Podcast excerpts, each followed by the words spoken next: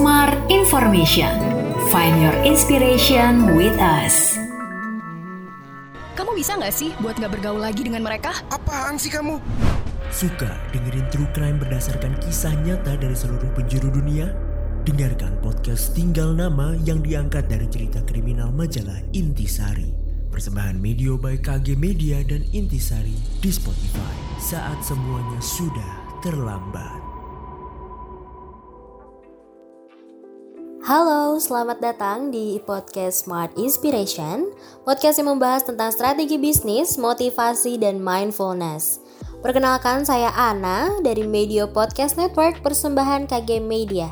Sebelum mendengarkan sesi episode kali ini, jangan lupa follow dan beri rating terbaikmu untuk podcast Smart Inspiration di Spotify, serta nyalakan notifikasinya ya, supaya kamu bisa terinfo setiap ada episode terbaru. Jangan lupa juga untuk follow Instagram dan TikTok kami di @radiosmartfm959 dan @medio by KG Media.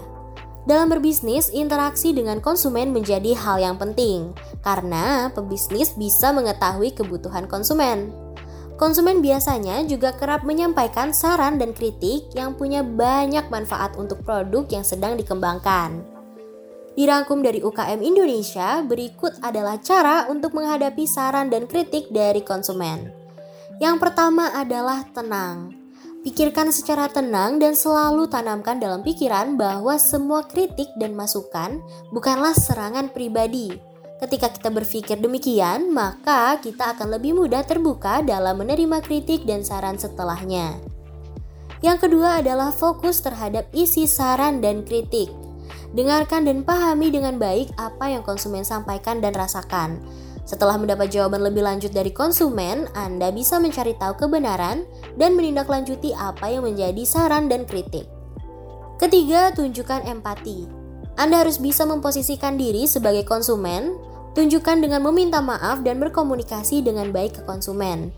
Jangan lupa untuk mengucapkan terima kasih atas masukan dan kritik yang diberikan. Yakinlah ini akan menjadi nilai luar biasa di mata konsumen tentang bisnis Anda. Yang terakhir, action dan berikan apresiasi.